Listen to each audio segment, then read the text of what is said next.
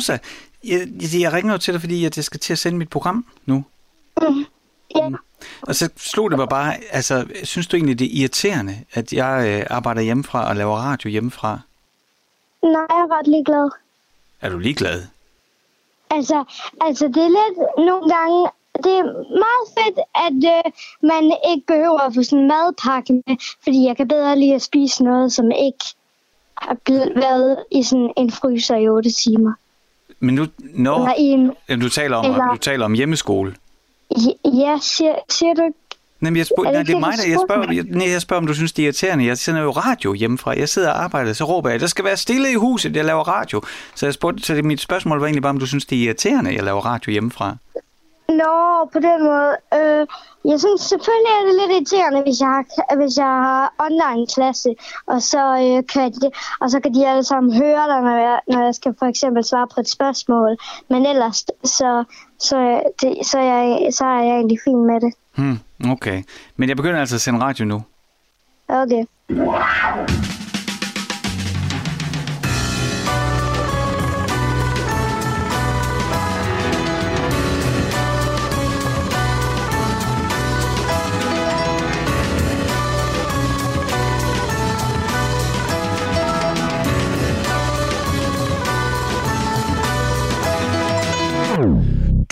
Til Stusgade på Radio 4 med mig, Frederik Hansen. Og det her, det er Frank Zappa og Peaches on Regalia.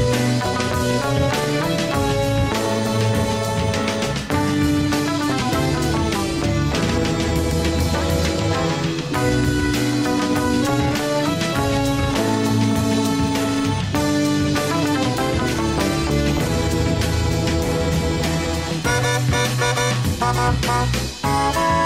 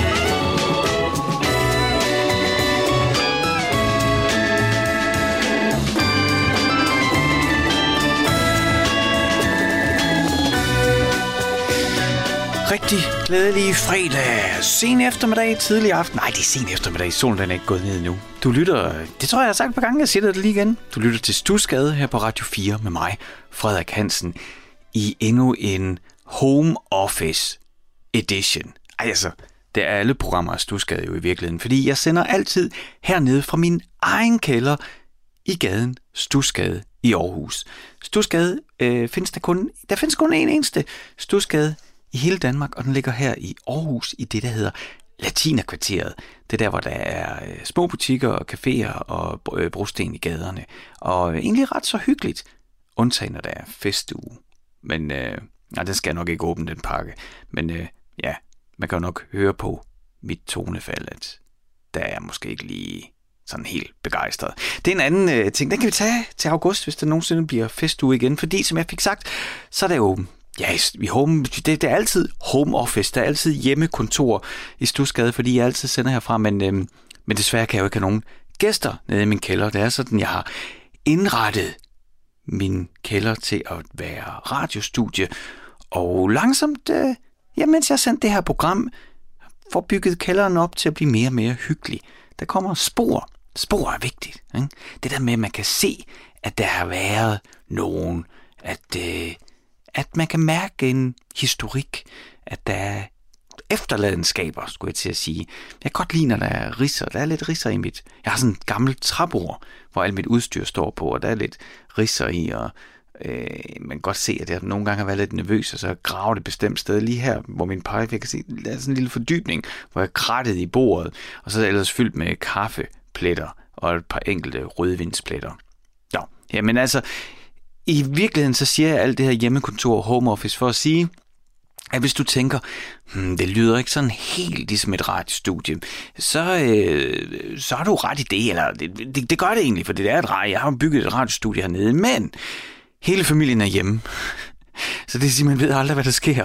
Øh, og det kender du sikkert også, hvis du øh, arbejder hjemmefra og har børn og kæreste og hund. Det, lige pludselig er der nogen, der har et øh, behov, der ikke kan udsættes, og så bliver jeg udsat for det. Jeg har nu sagt øh, meget strengt, ingen må øh, komme ind, når jeg sender, men det kan jo være, at der lige er nogle fødder, der bomber, eller noget fredagsbegejstring her i huset. Der er ingen tvivl om, at udover at fredag er min yndlingsdag, så tror jeg, det er hele familiens yndlingsdag. Især min søn Geo på 10, han glæder sig utrolig meget. Nok mest fordi, at klokken 7 kommer der Disney Show. Og jeg sender Stusgade her på Radio 4 lige indtil klokken 7. De næste to timer er i selskab med mig, hvor vi skal gøre det, vi altid gør i Stusgade, nemlig sådan snuse lidt og grave lidt i den musik, der har formet os. Jeg er så privilegeret, at jeg altid får lov til at tage udgangspunkt i mig selv, så jeg har forberedt lidt til dig i dag, ting som har formet mig, jeg gerne vil tale om. Og så, ellers på programlisten, så skal vi lidt omkring de forskellige små mini-formater, vi har fundet på og jeg skal selvfølgelig også høre fra dig. Det er så dejligt, at de skriver ind. Husk nu, at øh, du kan altid skrive ind til Stusgade, hvis der er noget, du er begejstret for, eller noget, du vil brokke dig over. Så kan du sende en sms på 1424. Husk at begynde med R4, mellemrum, og så skriv løs. Du kan sende en e-mail til Stusgade. Adressen er stusgade radio4.dk, så lander den i min indbakke. Eller du kan finde mig på Instagram. Det vil jeg anbefale. Der skriver jeg også sådan lidt om, hvad der sker i programmet, og kan poste, øh, hvad hedder det, playlisterne. Altså al den musik, jeg spiller i programmet, så kan du finde den der. Jeg går lidt og brygger på, om jeg skal gå imod mine principper og få sådan et Spotify-abonnement. Jeg siger det, fordi at flere af jer har spurgt, om jeg ikke kunne lave en playliste på Spotify med musikken her fra Stusgade. Og det vil jeg jo vildt gerne egentlig servicere. Jeg er bare så gammeldags, at jeg har det vildt strengt med Spotify. Altså det der med, at der er nogen, der kører i kæmpe Mercedes'er, fordi der er nogen andre, der har lavet kunsten. Mm, vi skal ikke kaste os ud i den politiske diskussion. Jeg skal nok... Lad os, lad os nu bare parkere den. Nu ved du bare, at jeg har det lidt stramt med det. På den anden side, så har jeg jo lige fortalt dig, at jeg er på Instagram. Hov, fik jeg sagt, hvordan du finder mig på Instagram? Du skal bare søge på Stusgade. Så er det mig, der dukker op. Det er Stusgade underscore Radio 4, men det burde være mig, der dukker op, hvis du søger på Stusgade. Og hvem er det, der ejer Instagram? Det gør Facebook. Og altså, Facebook er vel egentlig meget værre end Spotify, og der øh, tilbringer jeg jo flittigt timer og er med til at understøtte deres øh, reklame og dataindsamlingsfinansierede forretningsmodel. Så hvorfor skulle jeg ikke også bare gå på Spotify? Eller er det et, øh, et skridt over grænsen? Jeg kan ikke rigtig finde ud af det. Det går jeg og slår sig med. Hvis jeg beslutter mig for at sluge den bitre pille at komme på Spotify, så har jeg jo muligheden for at lave en playliste, en stusgade playliste, som du kan abonnere på, så ja, få musikken den vej fra os. Og ellers så vil jeg jo bare som altid anbefale, at du lytter til Stusgade som podcast også. Husk nu, du kan finde den der, hvor man normalt finder sin podcast. Og det vil jeg anbefale dig at gøre, fordi det er jo ikke kun mig, der snakker her i programmet Stusgade. Jeg har jo altid gæster. Første time er mig, anden time er min gæst. Og i aften er det måske, ja, det er så altid så svært med de her rangeringer, så det, det skal jeg ikke kaste mig ud i. Der er ingen tvivl om, at det her det er en af de allerbedste klassiske guitarister. Og han er her fra Danmark, Kåre Norge, som har spillet jo i Danmark og hele verden, og er kendt som en vanvittig dygtig klassisk koncertgitarrist. Jeg har set ham spille, og når man selv spiller lidt guitar, så, øh, så det der med at se Kåre overspille, det er øh, en af de der oplevelser, hvor man går hjem og overvejer, at man bare skulle sælge hele guitarsamlingen, fordi det der, det kan man jo bare, det, eller, men det kan jeg bare, jeg kan bare slet ikke følge med. Altså ud over den dedikation og træning, øvning, der ligger bag Kåre Norges håndværk, så er han jo også fysisk begavet med en hånd, som siger, klart, den er trænet i at være, trænet i at være fleksibel, men han kan jo simpelthen spænde over bånd, så jeg har aldrig set noget lignende. Bånd er ligesom det der, hvis du forestiller dig, hvordan en guitar ser ud. Øh, de fleste af jer ved det måske, dem af der ikke ved det, så, så øh, har guitaren en krop og en hals og et hoved. Og på halsen er der bånd, og det er ligesom, man sætter fingeren bag ved de her bånd, og det er det, der afgør, hvilken tone man spiller. Og jeg kan vel sådan strække på en god dag over 5-6 bånd, og jeg skal altså huske at spørge Kåre, når han er med i anden time her, Stusgade, hvor langt det er, han kan strække sine fingre over, fordi det, jeg synes, jeg kan se, det, det er jo, jeg tæller ved altså nærmest 8-9 bånd, når han ruller hele hånden ud. Det ser i hvert fald imponerende ud. Men Kåre er altså med i anden time, der har jeg en samtale med ham omkring den musik, der har formet ham. Du lytter til Stusgade på Radio 4 med mig, Frederik Hansen. Og det, jeg har forberedt til første time, det er supergrupper med kun én udgivelse. Altså, supergrupper. Du ved, de der bands, hvor det lige pludselig er en stjernegitarrist fra et eller andet kendt band, og en fantastisk sanger fra et andet kendt band, og rytmegruppen fra et eller andet andet kendt band, der går sammen og laver ny musik, og så bliver til en supergruppe. Jeg har øh, kastet mig ud i en disciplin og lavet min egen personlige top 3, og det er jo altså, det tror jeg sikkert, du kan genkende, hvis du har et passioneret forhold til noget, så er det jo i det øjeblik, man skal begrænse sig til at lave en top 3, så er man jo nærmest, ej, jeg siger mand, jeg skal stoppe med at sige mand. Altså, når jeg gør det, så har jeg jo allerede fortrudt det, inden vi er gået i gang. Fordi der er jo så mange, vi så ikke får lov til at snakke om eller spille. Mm.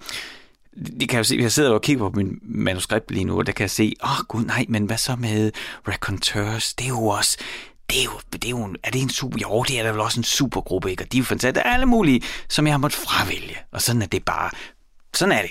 Nu har vi noget at snakke om, og det er, at jeg gerne vil fortælle dig om tre særlige, synes jeg, supergrupper, som kun har haft én udgivelse. Så ikke dem der, hvor de har fundet sammen. Altså man kan sige, nogen vil påstå, det er jo altid til diskussion, men Crosby, Stills og Nash og Crosby, Stills, Nash og Young er vel egentlig den første rigtige supergruppe. Og de har jo så mange udgivelser.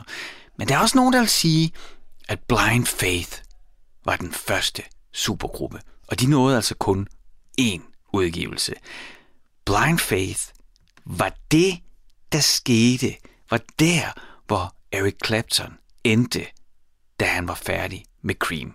Altså Eric Clapton kender de fleste. Den engelske supergitarrist, bluesgitarrist med den der lækre, tung i røven feeling, mm, der alligevel smutter afsted. Ikke? Hvor hvad skal man Jamen, der er så mange eksempler. Altså, det, det, det, det, jeg føler mig helt fjollet at skulle for, prøve at sætte ord på, hvilken type guitarist Clapton er. Men, men han er jo... Der stod jo i London på en væg med graffiti. Clapton is God, dengang i 60'erne. hvor alle guitaristerne, hvor der hele tiden var, hvem er den største guitarist? Det var hele den der diskussion, der, der sluttede det øjeblik, at øh, Jimi Hendrix han landede i London i 66. Så var der ikke rigtig så meget at diskutere om. Så tror jeg, alle var enige om, at okay, det kan godt være, at Hendrix ikke er Gud, så er han bare et rumvæsen. Han er i hvert fald over alle. Men der var i hvert fald den der diskussion, ikke? Altså, og Clapton, Clapton is God. Og Clapton spillede jo både som Jimmy Page og Jeff Beck, som vi også skal tale om lidt senere her, i Yardbirds.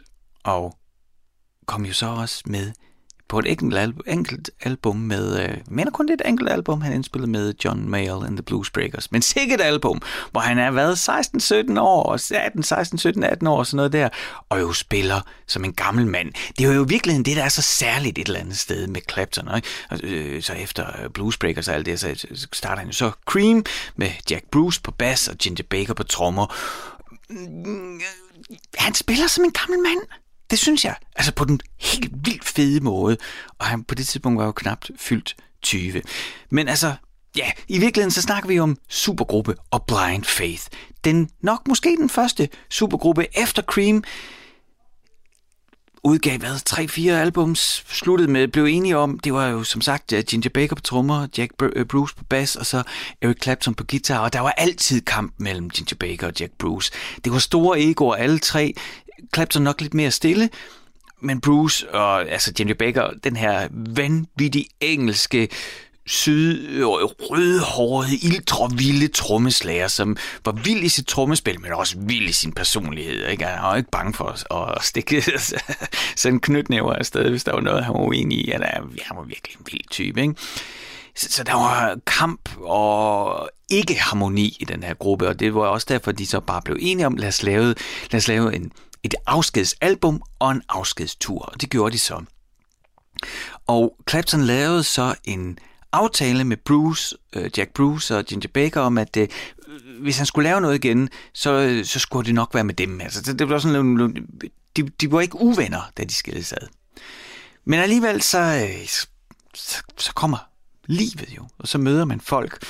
Og øhm, den 8. februar 1969, så hørte man første gang om supergruppen Blind Faith. Fordi at øh, der havde Ginger Baker og Eric Clapton lavet et nyt band sammen, men med Steve Winwood på hammeren og vokal. Steve Winwood kom fra Spencer Davis Group, og også sådan en, der allerede da han var 14, 15, 16 år, bare sådan en, man tænkte, what? Hvem er det? Altså prøv lige et nummer som Hold On, I'm Coming.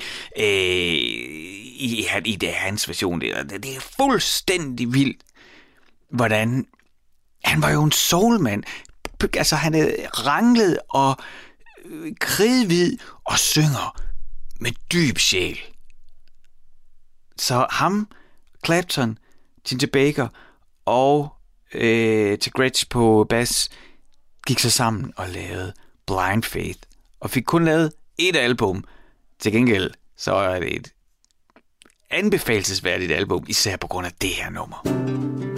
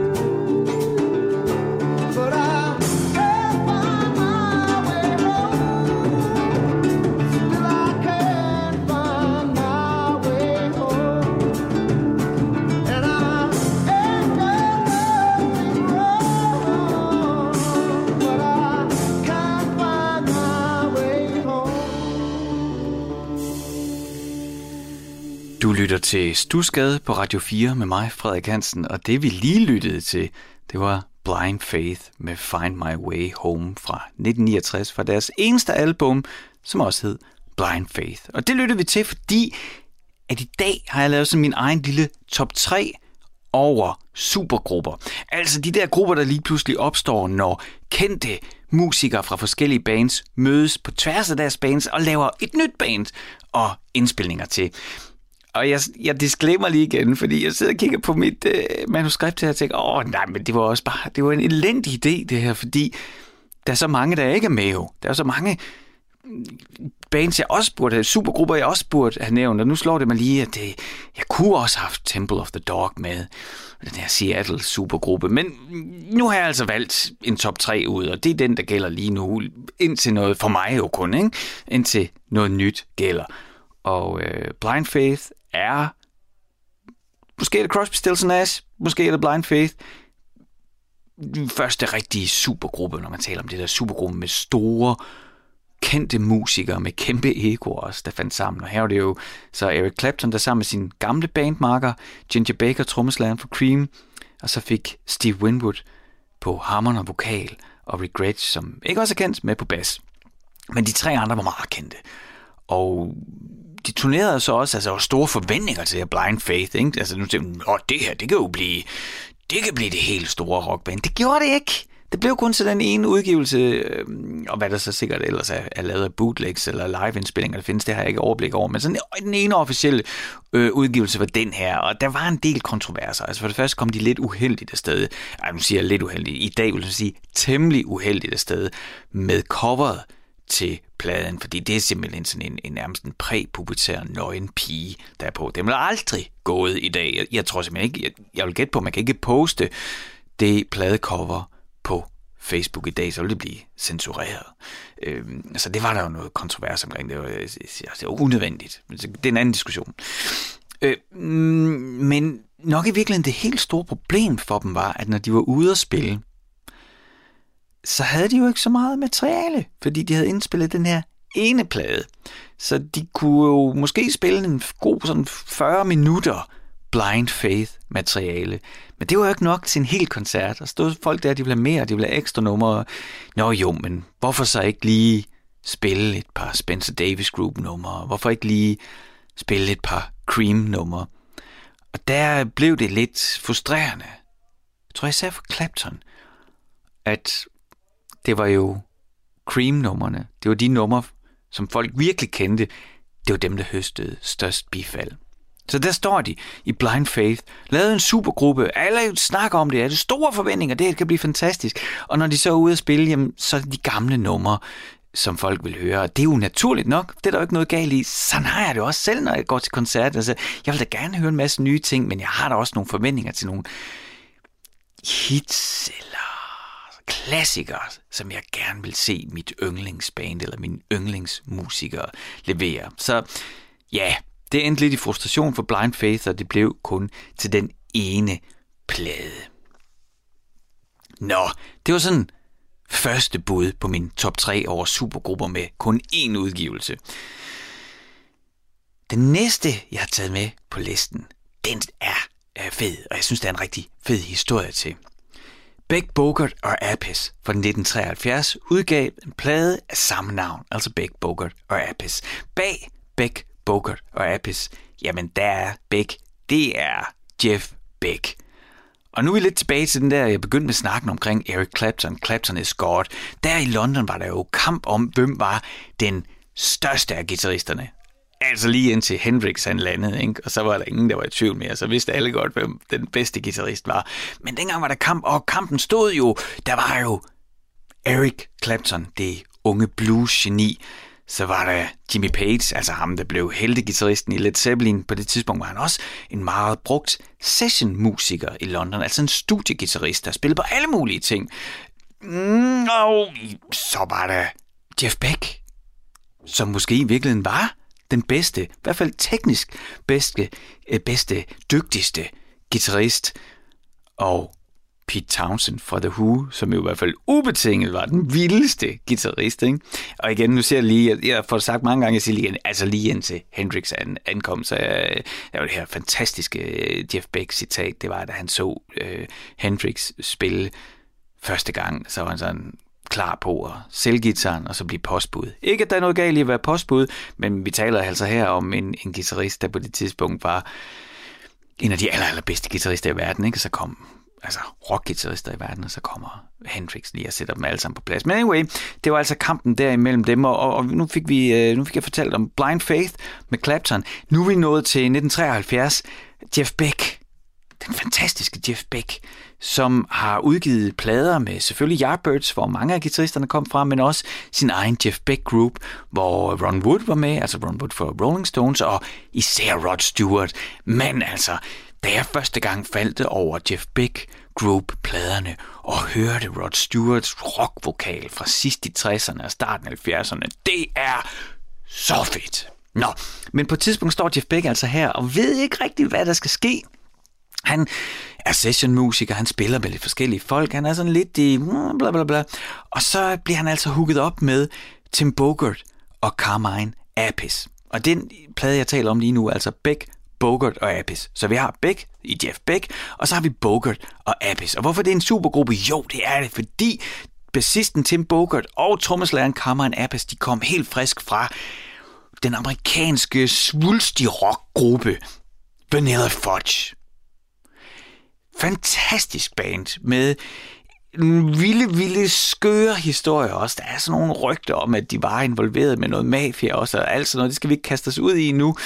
Og med nogle, altså sådan nogle teatralske opførelser af rock-epos. Ikke? Det var virkelig den store amerikanske rocklimousine, og Carmine Appice er en fantastisk, var en fantastisk rocktrommeslager. Så det her med at få sådan en forrygende rockgitarrist som Jeff Beck, og så sammen med rytmesektionen for Vanilla Fudge, det er jo bare, oh my god. Og på det tidspunkt roder Jeff Beck altså også rundt med Stevie Wonder, som han er selv fan af. Og på det her tidspunkt er Stevie Wonder ved at etablere sig selv i sådan et nyt kapitel af sin solokarriere, hvor han i virkeligheden spiller alle instrumenterne selv. Så han spiller trommer, keys og bass. Ikke, den, han kommer jo fra hele Motown-traditionen, ikke, hvor man havde dygtige håndværkere, der mødte ind på arbejde hver dag og leverede grundsporene. Nu er øh, Steve Wonder begyndt at eksperimentere i studiet og indspiller med sig selv, altså den her famøse lavkageproduktion, hvor man spiller om på hinanden. Man kan, man kan godt høre det, synes jeg. Altså, det, jeg synes, det er charmerende, men man kan godt høre, at det nogle gange sådan sejler lidt af sted, og så er den lige lagt på. Men altså, Steve Wonder er jo sådan en stor musikalsk begævelse. Selvfølgelig svinger han også, når han sætter sig bag trommerne, og selvfølgelig får han det hele til at hænge sammen i sidste ende. Men noget han ikke kunne, det var jo at spille. Han spiller fantastisk keyboard og klaver, Steve Wonder, men han må ikke spille guitar, ligesom Jeff Beck. Så de to, de begynder at samarbejde, og øh, tror jeg til stor glæde for dem bedste, for dem begge to, også med et, øh, med, med et venskab.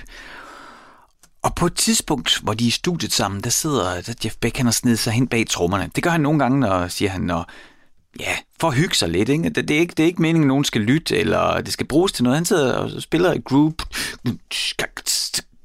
sidder og bare, ja, bare hygger sig med at spille trommer. Og så kommer Wonder ind, Steve Wonder kommer ind og lytter, wow, spil lige det der igen, og Jeff Beck bliver sådan, jeg har ikke nogen trommeslag, det skal jeg ikke spille. Jo, jo, spil lige det her. Og så spiller Stevie Wonder så over de trommer, Jeff Beck han sidder, der jammer Stevie Wonder så riffet til Superstition frem. Very superstitious. Det her honer klavinet, honer D6 klavinet, sådan meget distinkt smældende strengelyd spiller Wonder sig på. Og på det tidspunkt har Jeff Beck jo så arbejdet på Stevie Wonders soloalbum Talking Book. Og Jeff Beck tænker, wow, det er den gave, jeg får for at have leveret alt det guitar. Det er, det her det er et riff til mig, tænker han. Så da han går i studiet med Beck, Bogart og Apis, der indspiller de så Superstition. Men det gør Stevie Wonder også. Og da Motown hører indspilningen med Superstition, som der er en mundtlig aftale mellem Stevie Wonder og Jeff Beck om, at det er Jeff Becks, den var han få lov til at udgive. Da Motown hører den, der insisterer de på, at den skal være en single. Og derfor er den version, man kender i dag, det er Stevie Wonders Superstition, blev kæmpe hit. Og det blev også øh, en kæmpe frustration for Jeff Beck, fordi den version, han havde indspillet med Bogart, med, med Beck, Bogart og Rappes, udkom jo så først et øh, halvt års tid senere.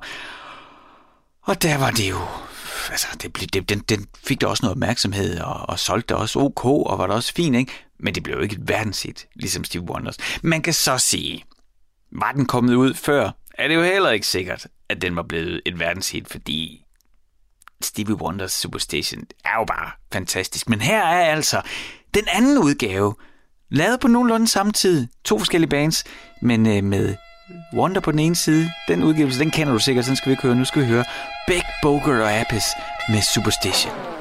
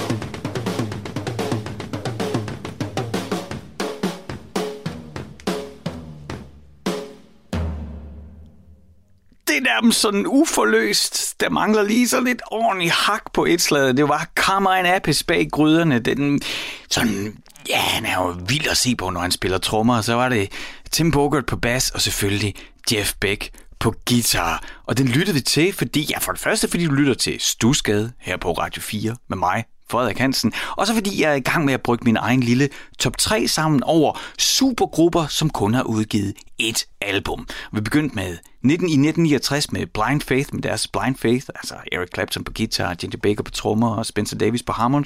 Og her der var det så Jeff Beck på guitar i Beck Bogart Apis, hvor Tim Bogart og Carmine Appice jo kom fra Vanilla Fudge, så jeg fik fortalt den her lille historie om, hvordan Superstition var en strid, kan man sige, mellem Stevie Wonder, som jo har skrevet riffet, og Jeff Beck, som her spillede det på guitar. Fordi at, ja, hvad er rækkefølgen? Som Jeff Beck han husker det, og egentlig også Stevie Wonder bekræfter, jamen så spillede øh, så sad Jeff Beck og jammede på trommer for sjov, og så kommer Stevie Wonder ind og laver et riff, og så var Beck den klare overbevisning, at det var et riff, han kunne få lov til at udgive.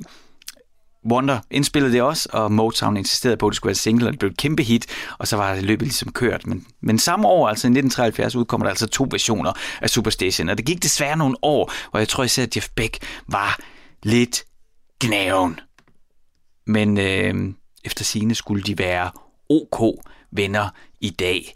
Øh, Steve Wonder har sådan bekræftet Jeff Becks version af det, at det, jamen altså, selskabet tog den, og det var det og det, og det var sådan, og ja, øh, og at uh, Steve Wonder troede egentlig, at, øh, at Jeff Beck allerede havde anspillet og udgivet den, så det ikke ville være noget problem, men uh, bla bla bla, uanset hvad, nu hørte du i hvert fald den anden udgave af Superstation. Og så er vi så nået til den sidste af min sådan top 3 her, af, ikke at de skal sådan rangeres individuelt. Hvad havde de allerførste med Blind Faith, og så er der så Bing, øh, uh, Beck Bogart Appes, fordi jeg elsker historien omkring Superstition, og det er bare en fed plade også jo. Der er jo høj, høj musikalitet på. Og så, uh, så er der bare sådan en, en darling, jeg slutter af med, og det er Them Crooked Vultures. Nu er vi altså lige uh, sprunget 20-30 år frem i tiden, 30 år frem i tiden er vi jo, fordi at, ja, altså, jeg elsker jo Josh Homme, manden bag Queens of the Stone Age. Og jeg elsker Dave Grohl, trommeslæren fra Nirvana og Foo Fighters, og trommeslager på Queens of the Stone Age episke album Songs for the Deaf. Og så elsker jeg Led Zeppelin. Og bassisten og velotronspilleren øh, John Paul Jones fra Led Zeppelin. Han mødtes med Dave Grohl og Josh Homme og i flere år gik de og snakkede om, kunne det ikke være sjovt at lave noget sammen. Jeg tror faktisk allerede i 2005, er det Dave Grohl, der først siger noget om, at det, det næste, han har lyst til at spille trommer på, det er med Josh Homme på guitar og John Paul Jones på bass. Og så gik det altså lige 3-4 år, før de var klar med deres udgivelse. Og en single – New Fang. Og da jeg hørte det her, så var det bare, stop alt, hvad er det? For det, det var noget af det fedeste, jeg nogensinde havde hørt.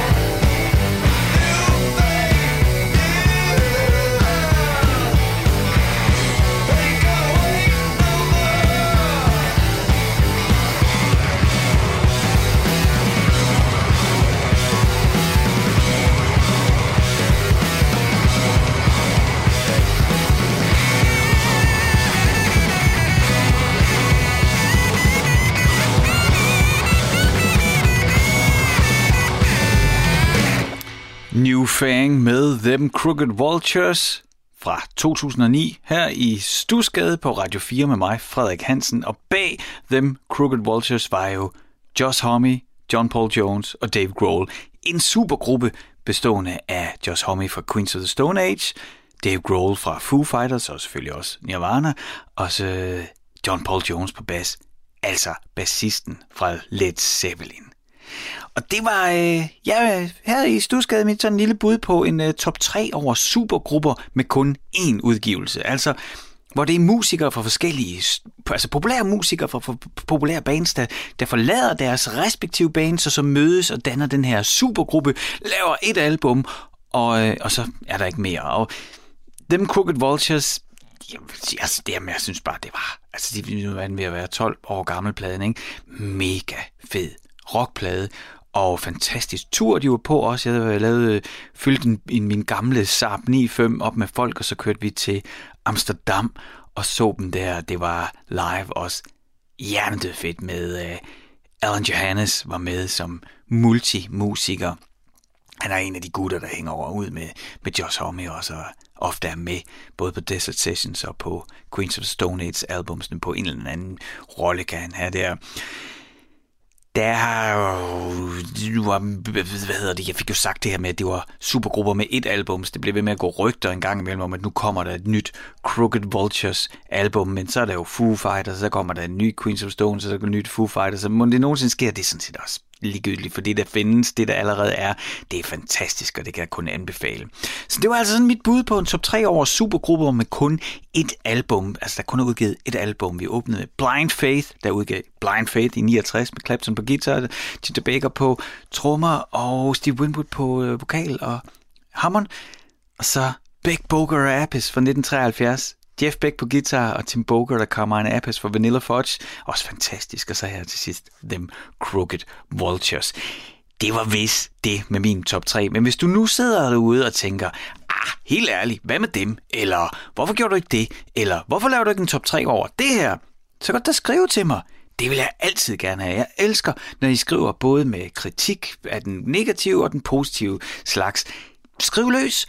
Og hvis du vil have fat i mig, så er der tre måder at gøre det på. Du kan sende en sms. Det gør du ved at sende en sms til 1424, altså 1424. Husk at begynde din sms med R4 mellemrum, og så skriver du ellers, så lander den her i systemet. Du kan også sende en e-mail. Send den til stusgade radio4.dk, så lander den i min indbakke. Eller du kan gå på Instagram, hvis du har det på din telefon. Der kan du søge efter Stusgade så burde min profil dukke op. Den hedder Stusgade underscore Radio 4. Øh, det burde det være den, der popper frem, og så kan du skrive til mig.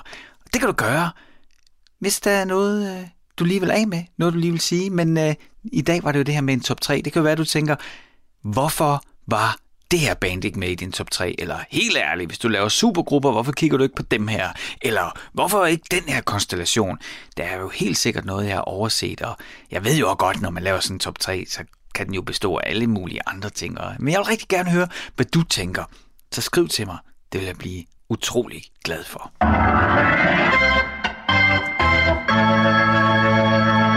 Og apropos skriv til mig, så har jeg fået en rigtig fin besked den her uge, som jeg har lyst til at læse op. Faktisk så er vi nået dertil i min programoversigt, hvor jeg normalt vil tage det programelement, segment, der hedder brev fra Isa, eller brev fra min producer, eller der brev. Det er sådan, at, at hver uge, så min producer Isa, hun sender mig et brev med et stykke musik, øh, hun synes, jeg skal spille, for at sikre, at musikprofilen i programmet, den ikke bare øh, bliver en til en det, der står i min pladesamling. Så lige, der kommer noget input ind andre steder fra. Og det øh, er jeg rigtig glad for. For eksempel øh, fordi, at Isa er jo 20 år yngre end mig, har en helt anden smag. Så, så det er også inspirerende, sjovt og dejligt. Og for eksempel øh, i øh, forrige udsendelse, der spillede jeg Britney Spears med Toxic. Og det synes jeg var fedt at spille, for jeg synes, at det er et godt popnummer, og jeg kan rigtig godt lide produktionen på det. Især fordi den har en masse surfgitar og nogle elementer, sådan James Bond-elementer, jeg godt kan lide. Så, så det, det, det, du ved, hun er også... Øh, vi har spillet, hun får mig til at spille det, sådan noget tung vestkyst gangster rap, synes jeg også var fedt. Så, så det er som regel altid fedt. Men jeg smugkiggede i det brev, til den her uge, og jeg, jeg nægter, Isa. Det, det vil jeg ikke. det er selvfølgelig også helt vildt uretfærdigt, men øh, Isa vil, øh, hun har sendt et brev til mig om, at, øh, at det jo i den her uge er, er børnenes MGP, og at hun er den generation, der er vokset op med MGP, og at øh, det har haft stor betydning for hende, og alt det, det anerkender jeg.